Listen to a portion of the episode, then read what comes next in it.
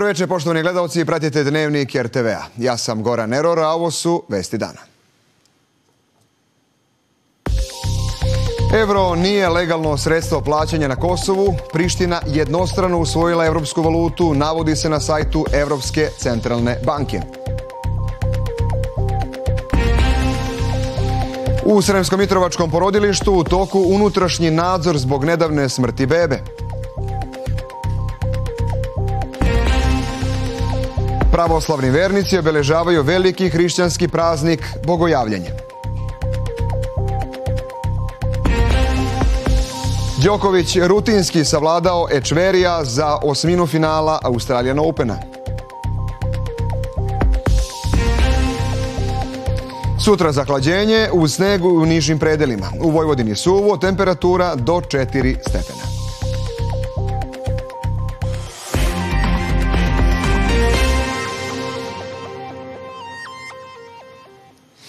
Reakcije na najavu ukidanja platnog prometa između Kosova i Metohije i Srbije od 1. februara i danas stižu. Evropska centralna banka navodi da evro nije legalno sredstvo plaćanja na Kosovo i Metohiji, a Evropska komisija traži dodatna pojašnjenja i poziva na nastavak dijaloga. Iz Beograda je ponovljen stav da je ukidanje dinara napad na Srbe. Pokušaj ukidanja platnog prometa jedan je od najtežih poteza Prištine, poručuje iz Kancelarije za Kosovo i Metohiju. Cilj je, kako smatra direktor Kancelarije Petar Petković, egzodus srpskog naroda. Jedina emisiona banka koja dozvoljava valutu na Kosovu i Metohiji je Narodna banka, a ta valuta jeste dinar, a ne evro, jer nikakav sporazum, nikakav dogovor e, takozvano Kosovo nikada nije potpisalo ni sa Evropskom centralnom bankom, ni sa Evropskom unijom. Pa ćemo posebno i to pitanje da otvorimo, pa da vidimo oni koji su prekršioci evropskih normi standarda i propisa, kako oni sada mogu da ukinu dinar koji legalno na prostoru Kosova i Metohije. Petković dodaje da se vodi diplomatska bitka da odluka Prištine ne stupi na snagu. O posledicama odluke Centralne banke Kosova izjasnio se i američki ambasador Christopher Hill, rekavši da ne želi da predviđa gde bi to moglo da vodi. Ne želim da predviđam kuda će ova odluka odvesti. Očigledno da je u pitanju veoma važna stvar. Znam da je važno i za dijalog, tako da ono što mogu da kažem jeste da je ovo pitanje pokrenuto na više mesta i moramo da vidimo kakav će biti rezultat. Mi želimo uspešan dijalog, želimo da vidimo normalizaciju kako bi ljudi nastavili sa svojim životima i zato se na pitanjima poput ovih mora raditi. Odluka Prištine o prekidu platnog prometa je u fokusu i Evropske komisije. Mi i dalje analiziramo i tražimo pojašnjenja o toj odloci, razlozima za njeno donošenje, motivacijama i mogućim implikacijama. Ali generalno se od Kosova i Srbije očekuje da izbegavaju nekoordinisane akcije koje nisu pogodne po normalizaciju odnosa i koje bi mogle negativno da utiču na stabilnost na terenu. Peter Stanao apelovao je na obe strane da se ovom temom pozabave u okviru dijaloga koji se vodi uz posredovanje Evropske unije. U porodilište opšte bolnice u Sremskoj Mitrovici danas je došla zdravstvena inspekcija. U bolnici je već u toku unutrašnji nadzor zbog nedavnog porođaja tokom kojeg je došlo do komplikacija usled kojih je beba preminula. Neophodne provere u koordinaciji sa Višim javnim tužilaštvom u Sremskoj Mitrovici obavlja i policija. Ministarka zdravlja Danica Grujičić izjavila je da će u roku od dve nedelje biti objavljen i spoljašnji stručni nadzor. Ja sada trenutno čekam izveštaj inspekcije da vidim da li su oni došli još do nekakvih zaključaka mimo ove unutrašnje stručne kontrole. Sačekat ćemo spoljašnji stručni nadzor, to će uraditi unutar dve nedelje. Tako da očekujem da ćemo za jedno dve nedelje imati tačno kada bude stigao i e, nalaz obdukcijski e, šta se zapravo desilo, ali najvažnije je u stvari izjava svih onih koji su neposredno u porođaju učestvovali, šta se to desilo da dete nikako nije moglo da bude na drugi način porođeno nego ovako. I kad je to zapravo se e, desilo. Ja tu mladu ženu potpuno razumem i razumem apsolutno njeno ogorčenje i nezadovoljstvo, ali moramo sve ispitati, prosto preambula nekakve nevinosti postoji dok ne dokažete nekakvu krivicu. Nova grupa od 58 radnika fabrike Magma javila se noća s hitne pomoći u Aleksincu sa simptomima sličnim onima koje su imale njihove kolege prethodnog dana. U Aleksinačkoj bolnici zadržano je petoro radnika zbog dodatnih pregleda. Osnovni javni tužilac u Aleksincu Ivan Mitrović rekao je da nakon zatvaranja fabrički pogon obezbeđuju policija i pripadnici sektora za vanredne situacije. Kada oni obave neophodne provere, bit će izvršen uviđaj, dodao je on. Uz sukob u Ukrajini, svetsku javnost sve više zabrinjava dramatično pogoršanje situacije na Bliskom istoku. I dok je kraj rata između Izraela i Hamasa u Gazi teško predvideti, nešto južnije kriza je produbljena američko-britanskim napadima na položaje Huta u Jemenu, koji nastavljaju sa napadima na brodove u Crvenom moru, kao i najnovijom eskalacijom između Irana i Pakistana. A nakon što je Severna Koreja testirala podvodni sistem nuklearnog oružja, ni daleki istok nije daleko od novih tenzija. Vojska Izrela objavila je novi snimak uništavanja Hamasovih tunela lociranih ispod naselja na dubini od 20 do 25 metara. Kako tvrde, u tunelima je otkrivena još jedna fabrika za proizvodnju oružja. Locirali smo tunelska okna, kao što možete vidjeti ovdje iza mene, i preuzeli operativnu kontrolu nad područjem. Sljedeći korak je uništavanje Hamasove vojne industrijske zone pod zemljom. To će sprečiti Hamas da stvori dodatne mogućnosti za ispaljivanje raketa na teritoriju Izraela. Najmanje 12 ljudi poginulo je u napadu u kojem je pogođena stambena zgrada nedaleko od bolnice Šifa u gradu Gazi. U celoj enklavi inače u porastu je broj zaraznih bolesti, prvenstveno hepatitisa A, upozorila je Svetska zdravstvena organizacija. A funkcioner Ujedinjenih nacija za ljudska prava u pojasu Gaze optužio Izrael za zlostavljanje palestinskih zatvorenika u toj enklavi, navodeći da je upoznao muškarce koji su mu ispričali o nehumanom odnosu prema njima. To su ljudi koje su izraelske snage bezbednosti držali u pritvoru na nepoznatim lokacijama 30 i 45 dana. Ispričali su kako su ih tukli, ponižavali i zlostavljali, a također rekli su i da su im vezivali oči. Ima izveštaje o muškarcima koji su bili pušteni, ali samo u pelenama, bez odgovarajuće odeće na ovom hladnom vremenu. Ni vojska ni vlada nisu se oglasili povodom tih tvrdnji, ali je kancelarija portparola IDF-a više puta izjavila da izraelske snage sa zatvorenicima postupaju u skladu sa međunarodnim pravom pravom. A nešto južnije u vodama Crvenog mora Huti su sinoć ponovo ispalili protiv brodske balističke rakete na tankeru u vlasništvu Sjedinjenih država, ali su projektili promašili brod i pali u vodu. U najnovijem incidentu nije bilo povređenih niti materijalne štete, saopštila je američka vojska. Napeto je i na dalekom istoku gde je Severna Koreja testirala podvodni sistem svog nuklearnog oružja u znak protesta protiv zajedničkih trodnevnih pomorskih vežbi Južne Koreje, SAD-a i Japana održanih ranije ove nedelje. Neimenovani portparol Ministarstva odbrane Severne Koreje rekao je da će ta zemlja i u buduće reagovati u skladu sa neprijateljskim vojnim manevrima mornanice SAD-a i njenih saveznika. Rusija protiv Ukrajine, Izrael protiv Hamasa i Sjedinjene američke države protiv sebe. Ta tri sukoba konsultantska kuća Euroazija Grupa u svom izveštaju za tekuću godinu predviđa kao najveće globalne rizike. A na globalni poredak, pored američkih, ove godine uticeće izbori u Rusiji, Indiji i u Evropskoj uniji, pa će u desetinama država na biralište izaći više od 4 milijarde ljudi.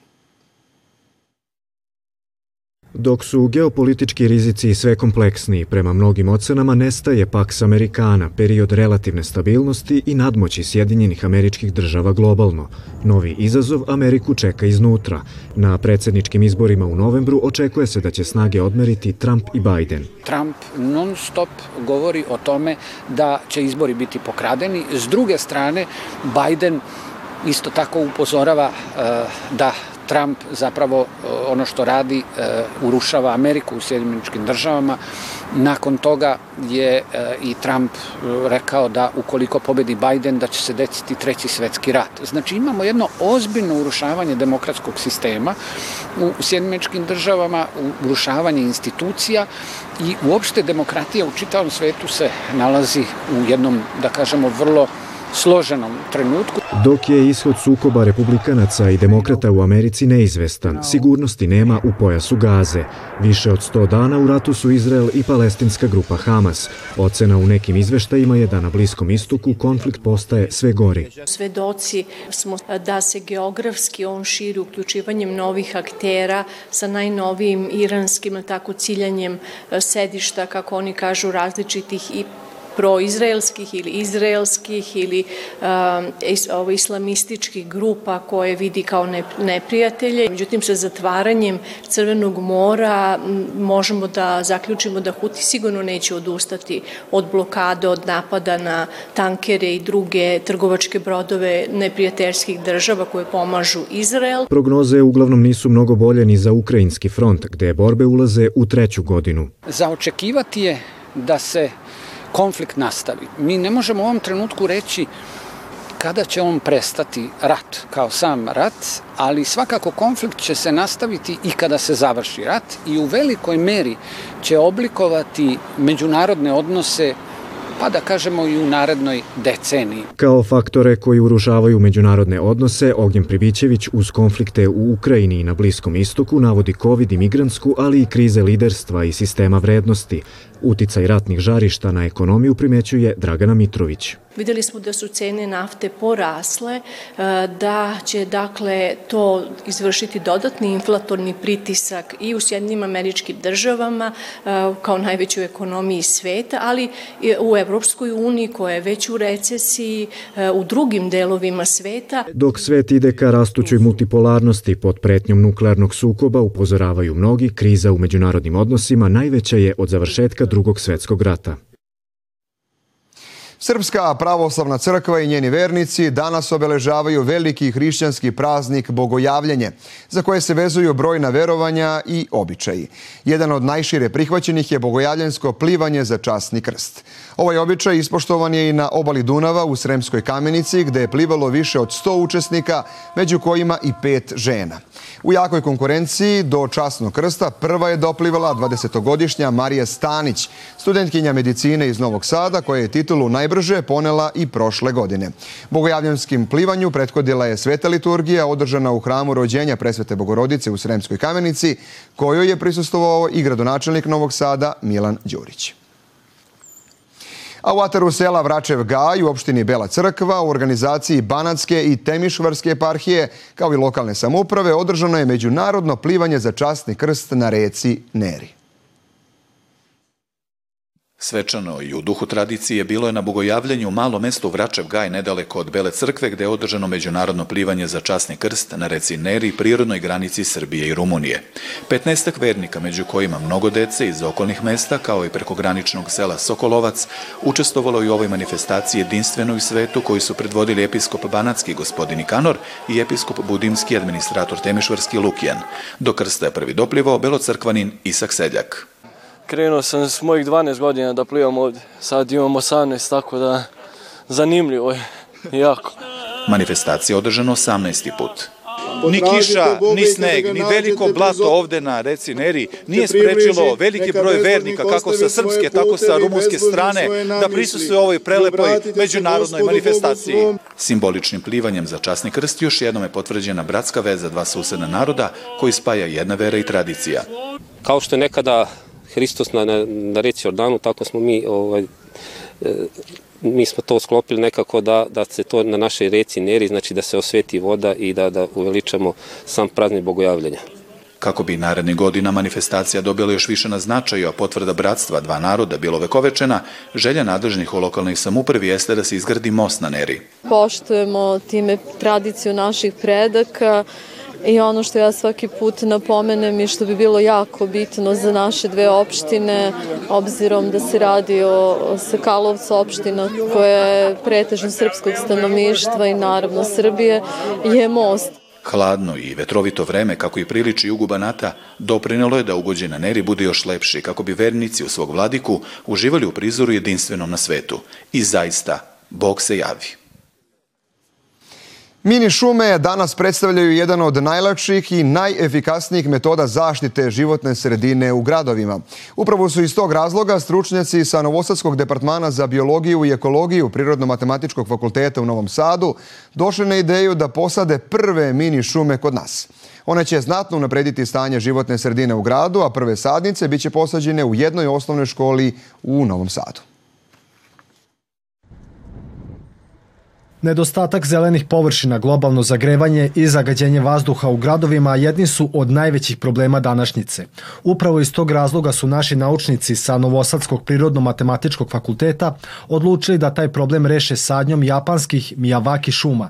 Taj metod podrazumeva sadnju mini šuma koje posjeduju sve odlike velikih, iako su neuporedivo manje. Razlika između tih mini urbanih šuma i klasičnog parkarskog zelenila je u tome što šuma koja ekosistem je jako kompleksna i tu postoji veliki broj uh, odnosa između različitih grupa organizama ovaj, i te mini šume bi trebale da postignu te odnose i u gradovima. Prva faza tog projekta podrazumeva odabir eventualnih lokacija na kojima bi mogla da se zasadi jedna takva šuma, a jedna od njih je osnovna škola Dušan Radović na Klisi. Kako bi sadnja započela, neophodna su detaljna izučavanja terena i pronalazak najboljeg mesta za sadnju. Sama Miyawaki metoda podrazumeva formiranje tih mini šuma iz semena. I te mini šume se po toj metodi u suštini mogu podići s nekih 20-30 godina, što je za jednu šumu relativno kratak vremenski period.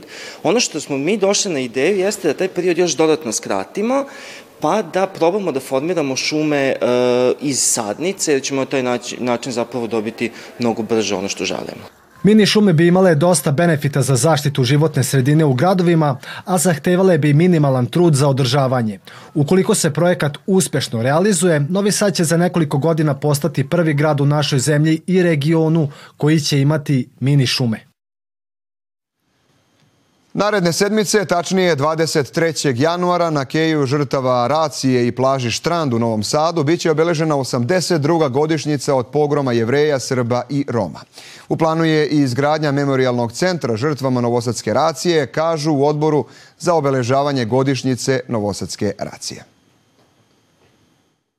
Izgradnja memorialnog centra koji će biti novi početak razvoja kulture sećanja, kulture pamćenja u našem gradu koji će iznutra homogenizovati naše društvo i dati mu novi kvalitet sa kojim, na koji se dugo čekalo. To će dakle biti e, novi izvor novih ideja, promišljenja projekata, aktivnosti, a bez institucionalizacije kulture pamćenja i kulture sećanja nijedan narod, nijedna nacija ne može biti sposobna da dosegne punoću svoga postojanja i svoga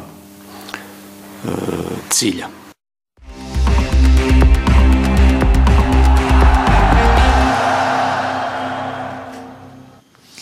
Jovana, koja sportska vest je obeležila dan?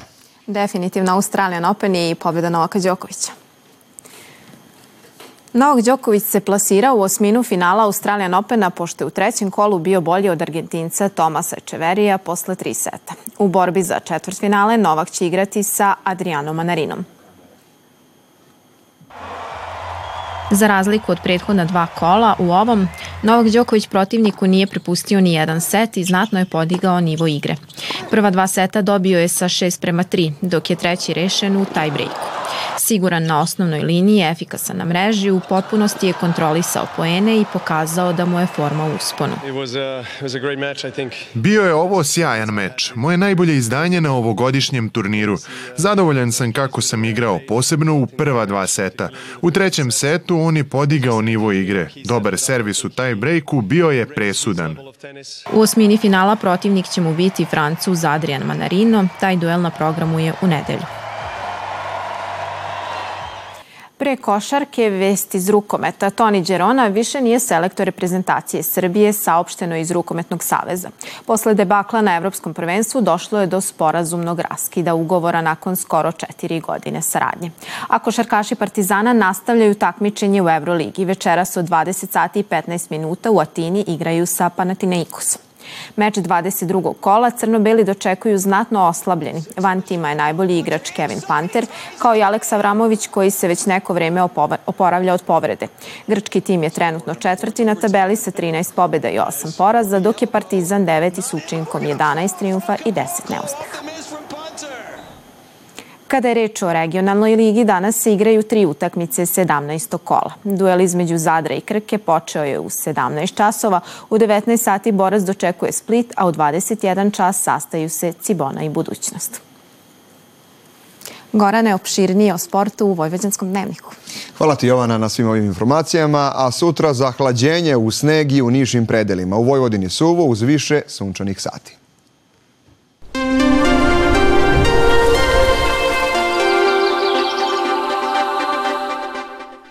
Prvog dana vikenda hladnije u snežne padavine u centralnim i južnim krajevima, a na severu razvedravanje i pretežno sunčano vreme. Očekuje se od 10 do 15 cm snega u nižim predelima, a na planinama i do 30. Jutarnja temperatura od minus 6 stepeni do 2 stepena, a dnevna do četvrtog podeljka. Uveče sneg na jugu, u ostalim krajevima suvo. U nedelju ujutru mraz, tokom dana na severu sunčano, a u centralnim i južnim predelima umereno oblačno uz pretežno suvo vreme. Od početka nove radne sedmice sledi dalji porast temperature. U ponedeljak više sunca, dok će utorak biti uslova za kišu i susnežicu. Prema najavama meteorologa, od sredine iduće nedelje još toplije. Poštovani gledalci, toliko u dnevniku RTV-a. Hvala na pažnji, ostanite uz naš program.